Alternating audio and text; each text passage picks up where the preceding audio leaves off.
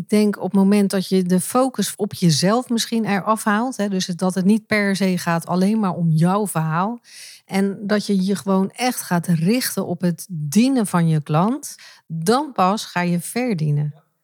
En ik, denk dat dat een hele interessante is, omdat het heel vaak wordt omgedraaid. Dat je gaat denken van hoe ga ik geld verdienen?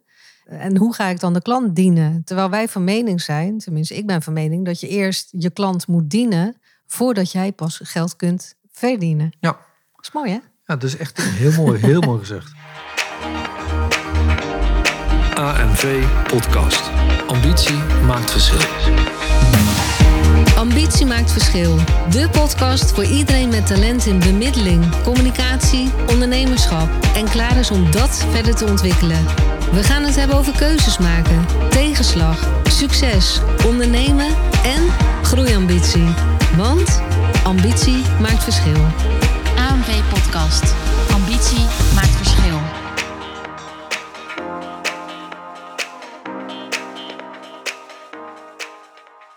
Van harte welkom bij een nieuwe aflevering van de AMV-podcast Ambitie maakt verschil. We gaan het hebben over een aantal valkuilen in ons ondernemerschap. Want geloof mij, er zijn er genoeg. En ook wij zullen er ongetwijfeld nog heel veel tegenkomen. Maar het is leuk om daar gewoon eens naar te gaan kijken. Van, joh, wat hebben wij meegemaakt in ons ondernemerschap? En ja, ik zou zeggen, doe er je voordeel mee. Aan deze kant Erik en Marion. En nou, laten we maar beginnen bij uh, valkuil 1. En dat is beginnen zonder duidelijke missie en visie. Oftewel een richting hebben zonder een doel. Ja. En ook dat herkennen wij als geen ander. Als ik even terugkijk in ons uh, ondernemerschap. Zeker, als wij naar het begin kijken, dan uh, hadden we daar weinig ervaring mee met het uh, kiezen van je doel eigenlijk. Wij wilden de wereld veranderen en dat was het. Ja. En, uh, maar hoe dat we dat gingen doen, geen flauw idee. Ja, maar dan hadden we wel een doel. Ja, we gingen visitekaartjes maken in elke kleur die je maar kon bedenken. En, maar niet, helemaal geen visie erachter van nou, welke kleur zou dan het beste bij onze dienstverlening passen, om maar eens iets te noemen. Of hoe moet de website eruit zien? Wat staat er op die website? Dat is ook een heel belangrijk ding. Dus je moet heel goed nadenken voordat je begint. Ja, nou ja, maar dat is wat ik ook veel om me heen zie. Hè? Dat ze vaak al beginnen met een website. Wel het idee van, nou, dit is een mooie kleur. De teksten komen erop. En, uh, en als je dan eigenlijk heel verder gaat fine-tunen, dat uh, hebben wij natuurlijk ook gedaan, vandaar valkuil, dan staat er heel veel op, maar eigenlijk niet precies wat je nu wilt gaan doen of doet. Je zorgt gewoon dat je heel veel tekst hebt en dat het lekker uitgebreid is. Dan heb je ook de grootste kans op het, uh, ja, op het vinden van een klant. En daar zit ook alweer de valkuil, want ik zeg het vinden van een klant.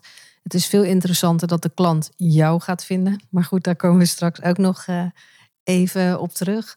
Ja, wij, wij zijn daar zo ook mee begonnen. We hadden wel het idee, we gaan de wereld veranderen. En dat kan een mooie uh, ideaal beeld zijn van, van hoe je het ziet in je ondernemerschap. En toch werkte het niet. Nee, we waren heerlijk aan het zenden. Dus we waren vooral aan het vertellen wat we, wat, hoe goed we waren op een bepaald gebied.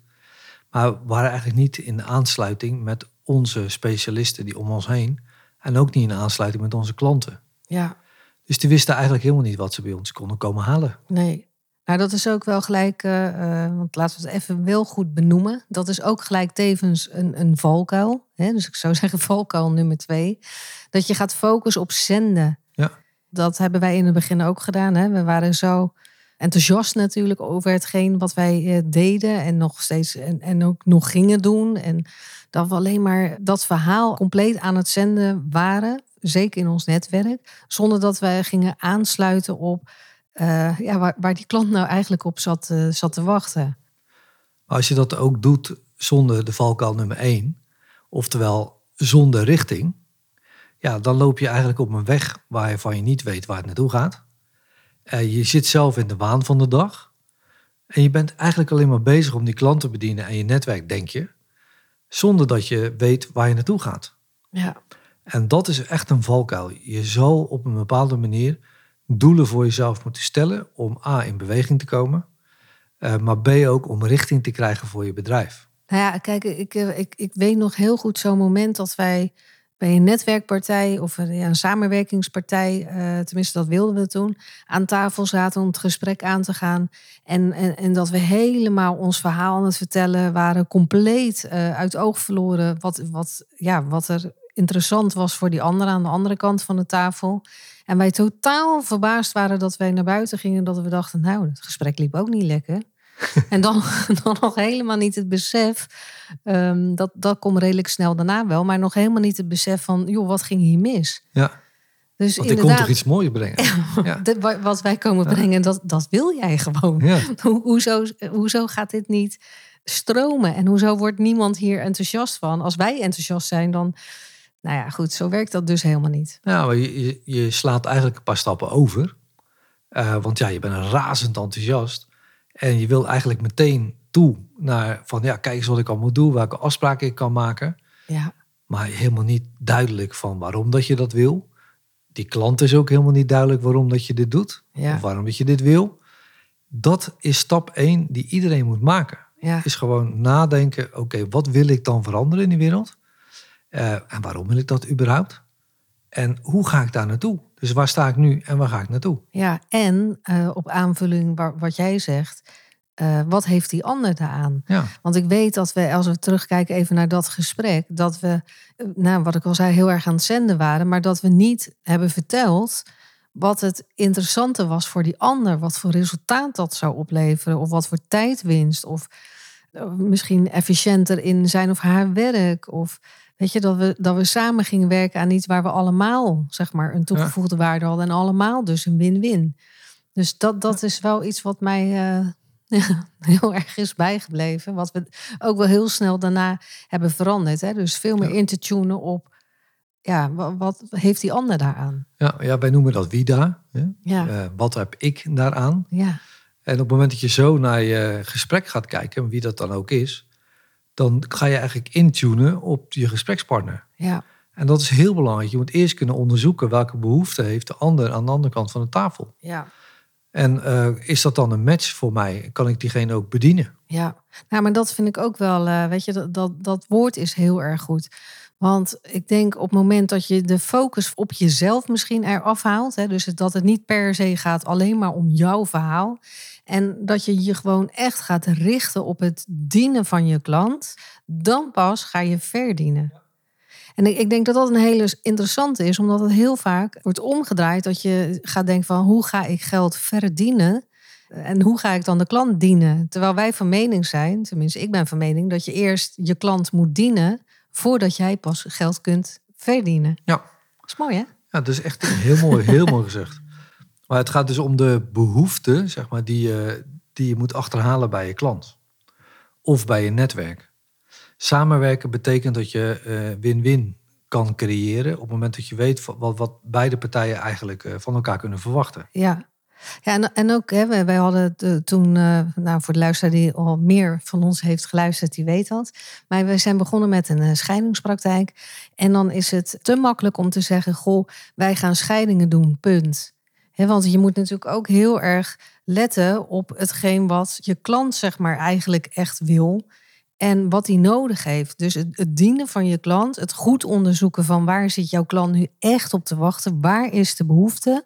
In plaats van dat jij denkt, ja, dit wordt mijn product, dit wordt mijn dienst, dit ga ik bieden in de wereld. Ja. Draai het om. Ja. En wij hebben daar heel veel van geleerd van die valkuilen. Ja. Want op een gegeven moment namelijk, uh, ja, als, als, als iemand geen zaken doet met jou, ja, dat kan een hele uh, logische reden zijn, omdat het bijvoorbeeld niet matcht. Ja. Maar je moet wel weten dat het dan niet matcht. Dus je moet wel energie in elkaar stoppen om elkaar te begrijpen. En om te kijken van oké, kunnen we elkaar helpen dan? Ja. Met als winnende derde natuurlijk altijd je klant. Ja, kijk, en wat wij dus, uh, waar ik het over heb, en dat, dat was een netwerkgesprek uh, om te kijken of er een samenwerking mogelijk was, is dat wij dus alleen maar gingen zeggen: hey, hallo, wij hebben scheidingspraktijk. hey, hallo, wij, wij doen scheidingen. Maar niet, niet ingetuned op van, goh, maar wat is dat dan handig voor die financieel adviseur in dit geval? Dus toen we dat zijn gaan omdraaien, ja, dan krijgt die andere, dan zie je ook letterlijk de oren gaan groeien. Uh, in die zin dat ze denken, hé, hey, maar dat is ook interessant voor, voor mij. Want dat levert wat op. Hè? En dan niet zozeer in geld, dat bedoel ik niet. Maar wel in tijd. Betere uh, bediening van je klant. Betere ehm, nou ja, alles eigenlijk. sluit beter aan. Ja, je sluit veel beter aan. Goed, dus dat was een, eh, een, een, een valkuil wat wij ook eh, ja, best wel een aantal keren hebben meegemaakt. Dus ik Ja. eh, wil het je besparen. En, Ja, eh, maar ik, ik wil toch nog even terug naar die eerste valkuil. Want wat wij toch, eh, ja, de valkuil van ja, zomaar beginnen. ja, Eh, wij zien dat toch nog wel regelmatig om ons heen. ja, want zeker. wij, in- binnen ons ondernemersgroeitraject eh zie je mensen eigenlijk eerst beginnen met... oké, ik ga maar eens een website maken. ja, Terwijl wij denken, ja, een website is toch pas het einde. ja. Ja, ja, maar dat, dat is inderdaad ook waar. Dat mensen heel snel beginnen met een website maken. Terwijl ik van mening ben, als jij je verhaal goed hebt en je hebt heel duidelijk voor ogen en je weet je verhaal goed in de wereld te zetten, kun je het best ook af zonder website. Hè? Dus dat is niet een, dat moet wel komen, maar het is niet het eerste waar je misschien direct te snel mee moet beginnen. Ja. En met, met, met als gevolg dat op het moment dat je er wel over na gaat denken... of dat je in de praktijk tegen bepaalde dingen aanloopt... dat je weer opnieuw met je website kan beginnen. ja. Dat Ja. zie je ook eigenlijk met, eh, met netwerkcontacten. Ja. Kijk, je kan je hele wereld eh, eh, overtuigen van hetgeen wat jij doet. ja. Ehm, maar wie zegt dat, dat jij met de hele wereld wil werken? Misschien heb je maar alleen maar specifieke mensen om je heen nodig. ja. Daar gaan we het zo ook nog over hebben, over Ja. die mensen. Eh, specifieke mensen om je heen nodig die, die jou verder kunnen brengen. ja. En jij die mensen verder kunt, kunt helpen. Ja, ja het, is, het is allemaal heel interessant. En, Ja. en eh, geloof ons, eh, beste luisteraar, wij kijken terug. En Ja. eh, de, beste stuurleus staan aan wal, zou ik zeggen. Maar we zijn in al deze Ja. valkuilen echt gelopen. En vandaar dat we echt onze learnings met je willen, willen delen. En op het moment dat je de focus op zenden eraf gaat trekken... en je meer gericht op de anderen, oftewel kill your darlings... dan ga je gewoon zien dat je gewoon hele andere gesprekken gaat voeren. Ook een, eh, een val is eh, te veel van alles zelf willen blijven doen. Ja, fantastisch. Ik ben daar echt een schoon voorbeeld van. Ja. Van ja, ik, eh, ik kan alles zelf natuurlijk het beste. Ja. Maar, maar vind je dat dan ook echt? Nou, ik denk het niet. Ik denk als je een open houding hebt, dat dat natuurlijk lang niet zo is. Maar het is wel lastig als, als ondernemer, vind ik, om, om te delen. Om, om te zeggen van oké, weet je, ik, ik laat jou dit doen, terwijl jij weet dat je het eigenlijk het beste kan. Ja, Nou. maar is, is dat zo? Nou, op sommige punten wel. Ehm, maar de, de, de persoonlijke ontwikkeling is dus heel belangrijk daarin. Ja. Dus dat je ook leert dat je anderen gaat opleiden, wat wij dan toevallig doen, nog beter te kunnen doen. Ja. Nou ja, dat is wel iets wat je natuurlijk bij veel ondernemers ziet. Hè, is de controle los willen laten. Ja. Eh, inderdaad ook denken van, joh, maar weet je, ik kan het nu een ander een half uur gaan uitleggen. En ik heb het zelf in vijf minuten gedaan. Dus dat is zonde van mijn tijd. Ik doe het wel zelf. Dus Ja. ik krijg zo'n visueuze cirkel. Dat is er ook zo een, ja. Ja. Of eh, als iemand het dan net even anders doet dan dat het verwachting bij jouzelf is, dan voelt het al een beetje, eh, een beetje dat gevoel. Ja. Dus eh, je, je blijft te lang het zelf doen. En dat is niet een onlogische actie, want je bent natuurlijk ook als ondernemer zelf gestart met alles zelf doen. Hè? Van Ja. eh, facturen maken, inboeken tot, tot heel die klant, de klantenreis.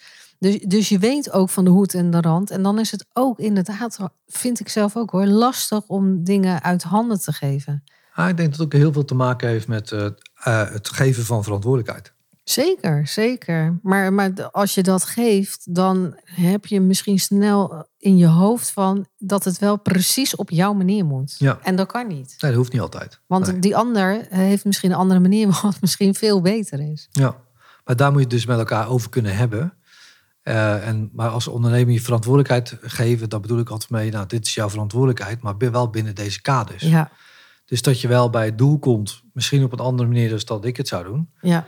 maar dat het resultaat wel hetzelfde is. Want dat moet binnen een organisatie. Precies. En, en te veel van alles eh, is, eh, ja, zelf willen blijven doen. Dat betekent ook volgende valkuil dat je te lang gaat vasthouden aan werk wat jij eigenlijk niet meer moet doen. Ja. Waar een ander misschien veel beter in is, eh, veel sneller in is, zodat jij je tijd aan andere zaken kan geven. Ja. Kijk, het eerste wat er bij ons afgaat, dat zie ik ook bij veel ondernemers, is de boekhouding. Dus Ja. alles up van, nou ja, eh, alles wat je daarbij kunt bedenken, uitbesteden.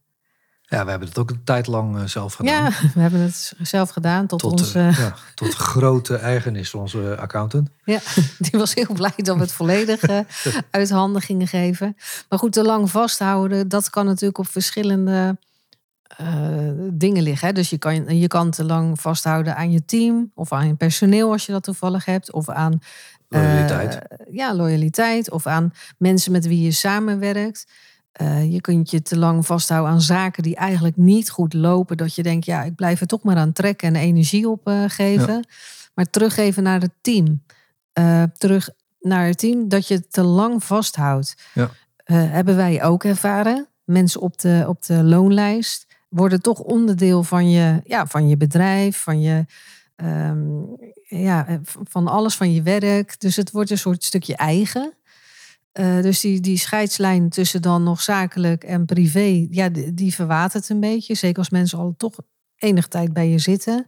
En op een gegeven moment kun je dan gaan merken van, ja, loopt het nu eigenlijk nog wel zo lekker? Is deze persoon nog wel de juiste op de plek? En dat kunnen we allemaal wel eh, met ons verstand natuurlijk beredeneren. Maar in de, in de uitvoering, ja, is dat dan toch wel lastig om daar heel erg... Ja. Het is dus heel erg belangrijk dat je gaat kijken van eh, wie heeft welke rol binnen je organisatie. Ja, En zeker als je organisatie groeit, wat we natuurlijk allemaal willen, dan kunnen die rollen wel verschuiven. en past die persoon dan nog binnen Precies. die rol? Ja, of hoe maken we iemand passend? Hè? Als, die, als diegene eh, eh, ook de ambitie heeft om dat te kunnen doen, Zeker, ja, dan ja. kan je dat water geven. Dan kan iemand gewoon mee ontwikkelen. Ja. Maar wat als het dan niet kan? Hè? Ja, en dan- ik, ik, kijk, we hebben echt eh, nou best wel een, aantal mensen op de payroll gehad. Echt in een team eh, binnen onze eh, scheidingspraktijk. En op een gegeven moment merkte je dat, dat mensen gingen ehm, ja, niet meer binnen die rol pasten. Hè? De organisatie Ja. was snel groeiend. Da, dan moet je ook mee kunnen. En een- een aantal kunnen dat, een aantal ook niet. Maar om dan te zeggen van, wow, natuurlijk gaat er dan gesprekken vooraf. Hè, want nu ga ik heel kort door de bocht misschien, maar dat is niet de bedoeling. Maar op een gegeven moment moet je snijden. Hè. Dan moet je zeggen, oké jongens, hartstikke leuk. eh, maar voor het werk, eh, voor de organisatie is dit niet meer het beste. Nee. En ik vind dat lastig. Ja, ja maar dat, dat is denk ik ook weer inherent aan de bedrijfsvoering die je dan als ondernemer hebt. Ja, ehm, je, je bent natuurlijk al, eh, je bent niet gewend om als manager te functioneren. nee. Ehm, en dat is ook een, meteen een lastig fenomeen. Ja, en iemand wordt onderdeel van, ja, van, je, van je bedrijfsfamilie, noem ik het dan maar even. Dus dat, ik, ik Ja. vind dat altijd toch wel lastig om dan te zeggen van, nou, het stopt hier, je contract wordt niet verlengd. eh. ja, valkuil, te lang vasthouden. Ja, ik denk dat dat zeker een valkuil is. Maar het, het kan ook zijn in de, in de volgende vorm, te lang vasthouden. Als je een bepaalde eh, werkwijze hebt en die werkwijze is succesvol, dan moet je dat natuurlijk vasthouden. Want dat is een, Ja. een succesvolle werkwijze. Ja, never change a winning team. Precies. Maar je kan het team nog wel beter maken. Ja, Ja, dus je moet blijven innoveren. Je moet blij, na blijven denken, oké, de tijden veranderen, de klanten veranderen. ja, Misschien moet ik eens kijken naar die werkwijze, of ik die anders kan maken. ja, Of ik stukken kan digitaliseren, of ik kan innoveren in die werkwijze, of dat er een andere behoefte ontstaat. Dus je moet continu blijven nadenken, oké, kan ik deze organisatie beter maken? ja, En even op jouw eh, stuk van dat personeel, daar is dat ook mee te maken. ja. Hè, want als jouw personeel niet kan meegroeien met die veranderingen, ja, dan blijft je bedrijf natuurlijk hangen. Ja, precies. En, en wat ik dan zelf ervaren heb in die tijd, dat we echt wel veel personeel hadden, is dat je inderdaad een managende rol krijgt. Ja. Dus dan moet je het gaan hebben over ja, de mate waarin iemand zijn werk doet, over snippendagen, over vakantie inplannen. eh, nou ja, weet je, alles wat, er, eh, wat je daarbij kunt verzinnen, dat komt dan allemaal op je bord. En je hebt er niet altijd zin in. Nee. Want daarvoor ben je geen... on- Ja, tenminste, ik vind dat het minst leuke om dat aan te sturen. Ja. Ik denk dat het mijn valkuil wel was dat ik dacht van ja, weet je, ik, ik laat het dan maar eventjes voor wat het is, want het kost me te veel energie. Ja. En ik wil mijn energie richten op iets anders. En dat is wel een valkuil. Ja. Want langzaam trekt het toch een beetje naar beneden. En ze zeggen het niet voor niets van je bent zo sterk als je zwakste schakel. En dat is een opmerking die ik heel vaak wel in mijn hoofd heb als ik gewoon kijk naar, naar ja, organisatie breed. Wat is de zwakste schakel? Want je bent net zo sterk als je Ja. zwakste schakel. Dus ik vind dat interessant. Ja, maar als je één pitter bent, dan heb je daar natuurlijk niet zo heel erg veel mee te maken. Nou, maar dan kun je misschien wel met ZZP'ers Ja. werken. Ja, maar of je bent onderdeel van een geheel. Kan ook. En ook dat onderdeel van het geheel is bepalend van hoe jij presteert. Ja, Dus die innovatie, het om je heen blijven kijken van... oké, hoe, hoe doe ik het eigenlijk? En het kritisch zijn naar jezelf van kan ik het verbeteren? ja, Dat zijn denk ik eh, belangrijke dingen. Dat is ook een valkuil door het niet te doen. Ja, door te zeggen, nou, ik heb een, eh, een, een mooie werkwijze. Dit is het. Ik wijk er niet meer vanaf. Dit, dit is gewoon zoals het hoort. ja, dat je het niet meer gaat verfijnen. Ja, Dat je, dat je inderdaad denkt van nou, dit is het gouden ei, dit werkt voor mij Ja. goed en dit ga ik 30 jaar doen. Ja. Ik associeer eventjes, maar, maar, maar dan, dan ga je je blik eh, naar binnen eh, leggen. En dan bedoel ik niet naar binnen van hoe het voor jouzelf werkt, maar in je bedrijf. Zonder dat je heel erg aan het kijken bent naar buiten wat voor ontwikkelingen daar zijn. Want je denkt, joh, ik, ik, ik zit toch wel op het goede pad. En, voor- Ja, en, en dan word je toch wel op een dag wakker, Ja. want dat hebben wij ook gehad. En dat je denkt van, huh? Oké, we zijn niet scherp meer. nou ja. En eh, scherp zijn is altijd een invloed van buitenaf. Ja. Want dan gebeurt er iets en denk je, hé, hey, die heb ik gemist. Ja, precies dat. En, dat, eh, en dan word je ineens weer scherp. Ja. En, dan, en dan gebeurt er ook weer wat. Ja, Maar wat een, een- ook een valkuil is in dat kader van dingen te lang vasthouden, is dat je te klein denkt. En eh, klein denken betekent, kijk, er kan ook een ambitieverschil zijn natuurlijk. Mhm. Maar als je iets echt wil veranderen in de wereld, dan moet je groot denken. ja. En dat is best eh, beangstigend. En als ondernemer is dat lastig om dat te doen.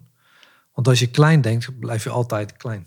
ja, Ja. precies. En eh, dat is helemaal niet erg. Hè, want, dat, Nee, dat zijn ook keuzes. Ja, dat zijn zeker keuzes. Maar je moet zeker denken, ook lokaal gezien, moet je groot denken. Ja. Niet alleen in je straat, zeg ik altijd maar, maar ook in de gemeente breed. ja, precies. En groot denken, dan eh, is het niet gelijk dat je de wereld hoeft te veroveren en dat je naar Mars moet vliegen. Maar inderdaad, van hoe, hoe kun je het grote wegzetten zonder Ja. dat je dat ooit hoeft te ha- halen, maar wel Precies. zo denken. Ja. Ik vond het heel interessant als een oefening die wij ooit hebben gedaan. Dat iemand zei van oké, hoeveel wil je per maand verdienen? En toen gaf iemand het voorbeeld van, nou, ik wil 3000 euro per maand verdienen. Hè? Gewoon even een simpel voorbeeld. En toen zei diegene, oké, zet er eens een nul achter. Eh, en dan moet je ineens, dus eerst moesten we van die 3000 euro, zeg maar, als even als voorbeeld, moesten op gaan schrijven hoe ga je dat halen? Hoe ga je aan die, dat bedrag per maand komen? Ehm, en toen zeiden ze van, oké, zet er een nul achter. Ik vind het altijd een hele sterke oefening. Zet een nul achter. Hoe ga je dat dan halen? En het dwingt je gewoon Ja. om anders te gaan denken. Nou, de- dit voorbeeld is van aan de ene kant, bij die 3000 euro werk je in je bedrijf. Ja, En bij die 30.000 euro ga je ineens werken aan je bedrijf. juist. En dat is een valkuil. Wat ook wij in het begin hebben gedaan. Te veel in het bedrijf blijven werken in plaats van Ja. aan het bedrijf. Ja, ook, ook met een mindset gericht op kosten, dus op beperking. Terwijl je eigenlijk eh, moet denken in overvloed. Er is Ja. genoeg werk, Ja. er is genoeg te doen. Ja, Alles wat ik maak, als ik iets de wereld wil veranderen, dan zal ik het moeten delen. ja. Nou ja, maar dat, dat, hè, dat is ook weer... We noemen wel heel veel valkuilen hoor Nou. nu. Maar goed, we hebben er ook heel veel gehad. Als ik nu achteruit kijk, zie ik eigenlijk alleen maar een gapend gat. Het is gewoon een mijne, een mijnenveld, joh. Maar ook je prijs bepalen. Ja, Kijk, wat je ook heel vaak ziet, en wat ons ook natuurlijk niet eh, vreemd eh, in de oren klinkt, is dat je prijs gaat bepalen. Dan ga je een beetje om je heen kijken in, in hetzelfde Ja. marktsegment als waar je zit, in dezelfde eh, werkzaamheden. Dat je denkt, nou, de markt vraagt om en nabij, nou zeg even 100 euro per uur. Oké, dan, dan ga ik daar ook een beetje in de buurt zitten. Zonder dat het eigenlijk onderbouwd is. En zonder dat je eigenlijk weet wat jouw waarde is. Ja. En die waarde moet je dus onderzoeken. Ja, Ja, de- ja precies. Ja, en als je, als, je, als je markt ziet, als je een gelijkwaardige markt hebt met 100 euro, iedereen kiest daarvoor, Ja, dan ga jij op 125 zitten. ja. Want mensen hebben in hun hoofd altijd het feit, als ik meer betaal, kan wel duurder zijn, maar ik krijg misschien ook veel meer. Ja, maar dat, dat moet je wel kunnen waarmaken. Ja. Kijk, je kan niet zeggen, goh, iedereen vraagt 100 euro, doe ik 125. Zonder dat jij echt waarde toevoegt. Dus het gaat om waarde toevoegen. En het gaat niet zozeer dan om, ehm, om die prijs. Weet je, stel je voor dat je nu heel erg kiespijn eh, hebt. En je gaat nu, vanmiddag mag je direct naar de tandarts. En je moet 300 euro eh, afrekenen. Misschien is die, is die beste man of vrouw maar, maar twee minuten bezig geweest. Maar hé, hey, jij betaalt het met liefde, hè? Want Ja. jij bent van die pijn af. Ja.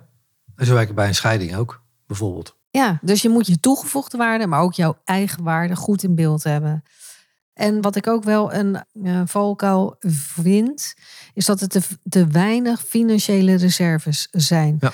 Dus op het moment dat je dat hebt, en ehm, ook, ook dat is voor ons eh, ehm, herkenbaar, dat hebben wij ook gehad, dan, dan ga je krampachtig ondernemen. Ja. Dan ga je dus fixen op kosten. Ja, Terwijl je daar eigenlijk helemaal niet op moet fixen. Je moet zo fixen op omzet. ja, En eh, als je fixt op omzet, dan heb je een andere beleving. Maar ik kan me wel voorstellen als je echt gewoon in shit zit, waar sommige ondernemers op dit moment ook in ja, zitten. zeker. Dan is het allemaal zo makkelijk Ja, gezegd. Want dan Maar- slaap, dan slaap je gewoon s'nachts niet. Vanwege het feit van ja, heb ik over twee weken nog bestaansrecht. Ja, Ehm, nou, daar zitten gelukkig de, de meeste eh, bemiddelaars niet op dat punt. Nee, maar Eh, als je daar wel zit. Ja, dat is gewoon eh, heel bijzonder. Weet je wat het is? Je gaat in een andere eh, state of mind zitten. Hè? Dus je gaat in een andere energie, waar we het ook wel eens in de podcast over hebben gehad. Je gaat in een andere energieveld terechtkomen. Je gaat dus aantrekken wat je denkt. En het gaat altijd kloppen. Ja, dat klopt inderdaad altijd. Ja, Dus de, de, de, de valkuil is dat je gaat denken in schaarste. ja. En dat je ook heel snel gaat denken van ja, het zal toch wel niet lukken. Ja, Om de, en dan zeggen mensen, ehm, ja, maar dat zeg ik juist om mezelf een beetje in te dekken. Want als ik me ga richten dat het wel lukt en het lukt niet, dan valt het harder tegen. ja. Dus ja, ik vind, Ja, dat, ik vind dat maar- maatloos interessant. Want ja maar ook daar moet je probeer kijken. echt je, je, je mind Ja. te trainen. Hè? Dat je echt gewoon. Ja, het, het klinkt misschien makkelijk en we willen daar ook best een keer uitvoerig over in gesprek gaan. Maar het klinkt makkelijker, maar geloof mij, wij hebben ook eh, tijden gehad dat het financieel helemaal niet lekker ging. En op een gegeven moment dan, je moet door. Je moet gewoon door. Ja. En ik las toen een zin van, joh, eh, lager dan de bodem kun je niet. Maar op de bodem liggen ook de diamanten. Toen dacht ik, ja, daar zit ook wel weer iets in, hè? Want, Ja. eh, ja, het is altijd weer een, een traject wat je, wat je doorheen moet, waar je moet uitzien te komen, waar je moet gaan richten op wat wel lukt, hoe moeilijk dat ook is. Ja, zeker dat is een hele belangrijke mindset. Dat je door blijft gaan. Dat is ook een valkuil die we ook zien bij de startende ondernemers nu in de in bemiddeling. Die hebben dan een niche bepaald. En die niche, dat is dan de eerste twee maanden lukte niks. Ja, ja, ja. En dan, dan is het vaak zo, ja, dan, eh, ja, nee, het lukt niet, het is niet gelukt. Je moet doorgaan. Ja, alles al geprobeerd. Ja, alles al op dit. Oké, vertel eens dan wat je allemaal geprobeerd hebt. Ja, en ik snap het hoor.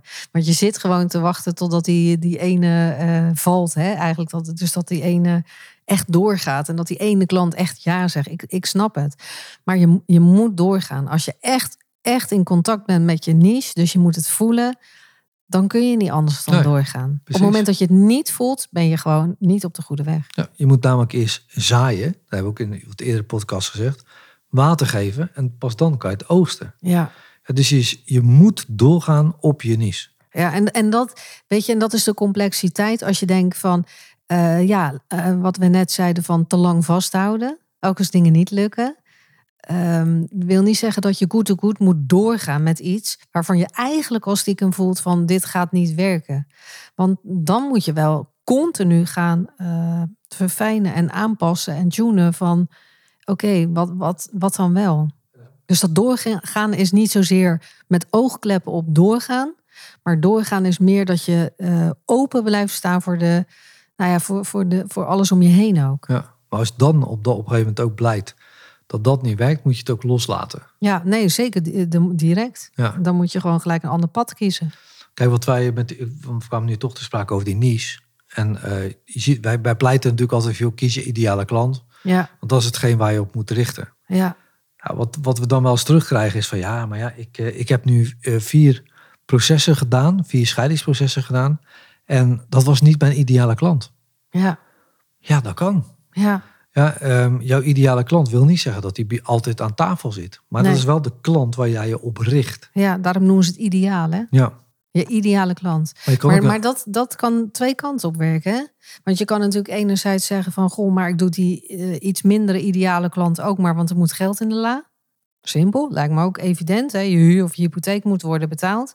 Anderzijds is het zo dat je ook een pleaser kunt worden. Dus dat je klanten gaat eh, gaat aantrekken die je eigenlijk... dat je denkt, ja, nou laat ik die klant maar doen. Ik noem dat altijd koppijnklanten of koppijndossiers... hè, zoals we het vroeger ook wel eens eh, noemden. Dat je dacht, ja, eigenlijk eh, niet. Maar goed, geld ook handig. Ga je het toch doen? Doe je het ook nog best wel goed? Met als gevolg dat er vanuit die klant weer een nieuwe klant komt. Ja. En voordat je het weet, ben je drie jaar verder. En dan heb je alleen maar koppijndossiers. Ja. Snap je even hoe, hoe ik het bedoel, hoop ik? Dat ik het goed over kan brengen. Maar dus daar moet je heel erg kritisch naar kijken van... Want vanuit een klant, als jij het goed doet, komt altijd wel weer een Een klant. nieuwe klant, ja. En, en dan heb je weer misschien zo'n koppijn dossier. ja. Ja, als jij problemen oplost voor een klant, dan krijg je altijd weer nieuwe klanten met dezelfde problemen. Ja, nou, ja precies. Jij, jij eh, vat het even heel, goed, heel Ja. goed samen. Ik zat even te zoeken van, hoe kan ik nou uitleggen? Maar dat is wat wij ook natuurlijk ervaren hebben. Hè? Omdat wij ook in het beginsel niet duidelijk onze niche hadden eh, gekozen. En dus krijg je dit soort ja, mensen aan tafel die dan super blij waren. Wat natuurlijk fantastisch is. Maar op een gegeven moment gaf het ons te weinig energie. En je blijft maar dat soort klanten krijgen. Ja. Maar goed, we hadden het even over die financiën, want we dwalen Ja, nee, nee, nee, nee. We gaan weer even Ja. terug. Maar dit vond ik eigenlijk ook Ja. wel een leuk uitstapje. Ehm, kijk, op een moment wat wij ook ervaren hebben, ook, vind ik denk ik ook best wel een interessante valkuil, is dat ze natuurlijk allemaal zeggen van ken je cijfers.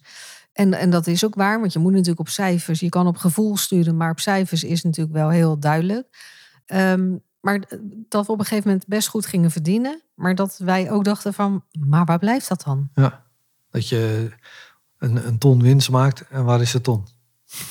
Ja, de regenton hadden we wel, maar eh, het leek wel of het gewoon verdampt was. Nee, even serieus. Dat, dat wij dachten van, hè, want die accountant, nou joh, die ging ons echt bellen en, en die stuurde nog een fles wijn, want die was super trots op ons. En wij zaten elkaar aan te kijken van, hoe dan? Ja. Dat kan toch helemaal niet? Maar cijfers liegen niet, hè? Maar wat gebeurt er dan eigenlijk?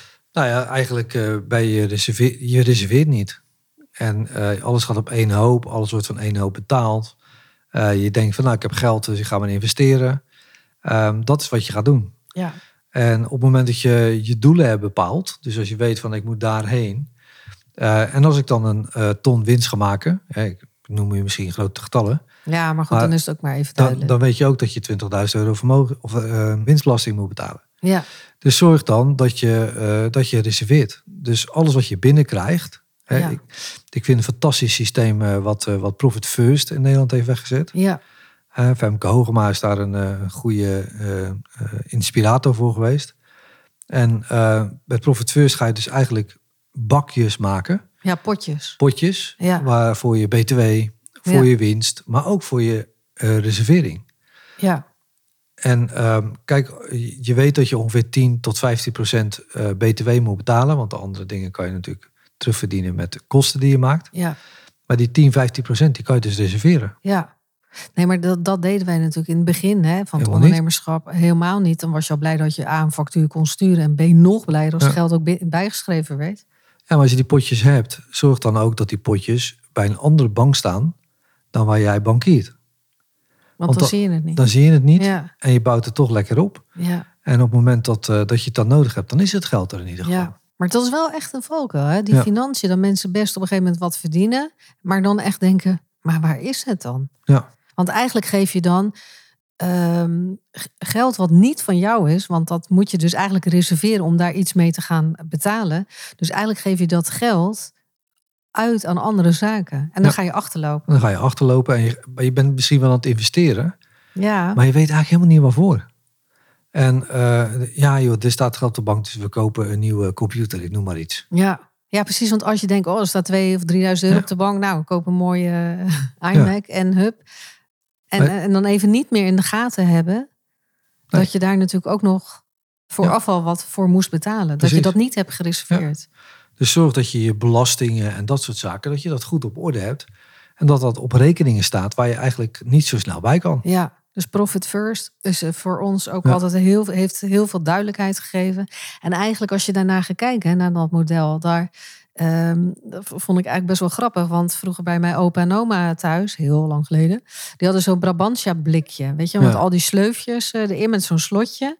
En dan deden ze dan eh, geld in voor eh, nou, gas, water, licht, voor de boodschappen, voor nou ja, weet je, veel de kolen misschien nog wel destijds, ik weet het niet. Maar die, die, die deden inderdaad dat systeem Ja. al. Die, die pakten echt vanuit het salaris, wat mijn, wat mijn opa in een loonzakje nog kreeg.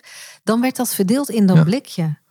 Ja, profiteer is, is eigenlijk dat Eigenlijk systeem. is dat het nieuwe wetse model van mijn opa en oma. Maar, maar Ja. goed, misschien van heel veel opa's en oma's ja, maar het, je dit het, nog. het maar- werkt echt heel goed. ja, En zeker als je dat combineert met, de- met de richting waar je op gaat, dan weet je ook waarvoor je het doet. ja, En je wordt ook niet meer verrast, eh, want belastingen komen altijd een jaar, twee jaar na, na dato. Je wordt ook niet meer verrast door die belastingen. ja, nou ja, dat is het hè. Ja. Dat, want dat heb je staan en dan denk je, oh, nou ja, goed, eh, goed. En dan betaal je het en klaar. En ook een potje maken voor onvoorziene dingen. Ja.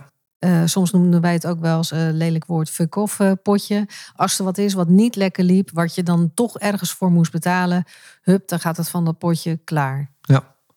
En dat werkt ook prima. Hè? Dus Ja. ehm, wat, wat wij onszelf eigen hebben gemaakt, is dat van de inkomsten die binnenkomen bij ons, dat we gewoon echt 10% reserveren. Ja. Eh, voor die fuck-off pot, om maar even zo te zeggen. nee, maar het werkt heel goed. ja. Het En- werkt heel goed. En, en op, voordat je het weet heb je best wel, eh, wel wat geld bij elkaar. En heb je ook weer geld om te investeren. Ja. Dus dat is ook wel weer, eh, ja, wel weer grappig. heel interessant hè. Ja. En, en wat ook natuurlijk een, een, een valkuil is, is een te hoge burn rate. Oftewel letterlijk geld verbranden. Dus je hebt iets in je hoofd. Ik zie het ook wel bij veel ondernemers. Ze hebben iets in de hoofd, dan gaan ze alles aanschaffen. Omdat, omdat je dan het idee zou kunnen hebben dat zonder dat kun je dat niet gaan lanceren of kun je dat niet gaan neerzetten.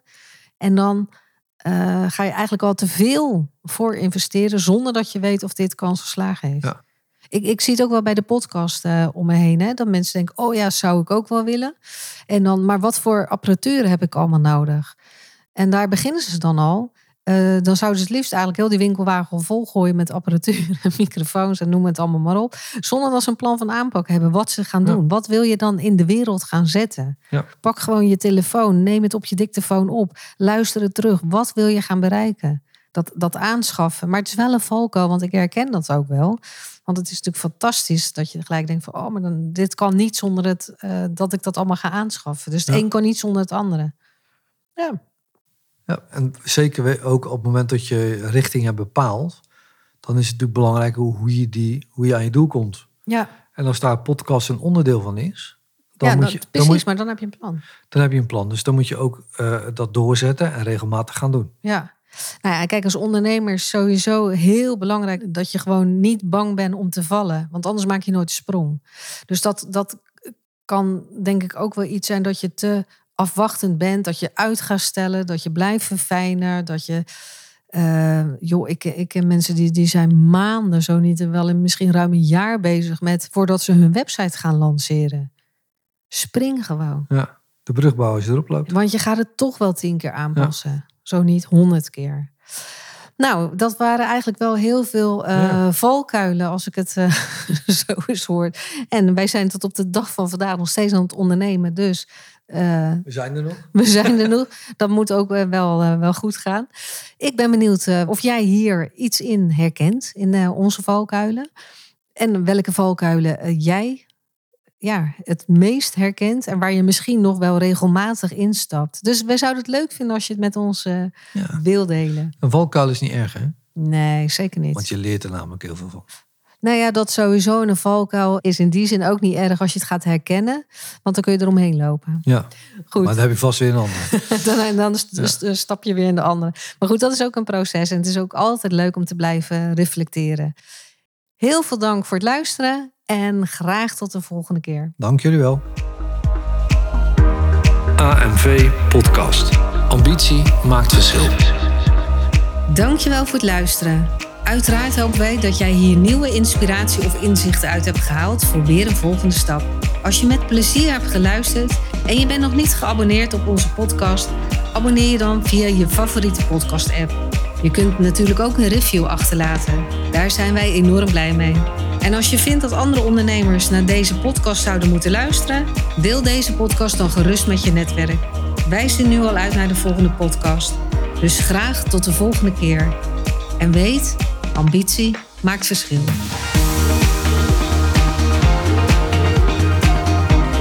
AMV Podcast. Ambitie maakt verschil.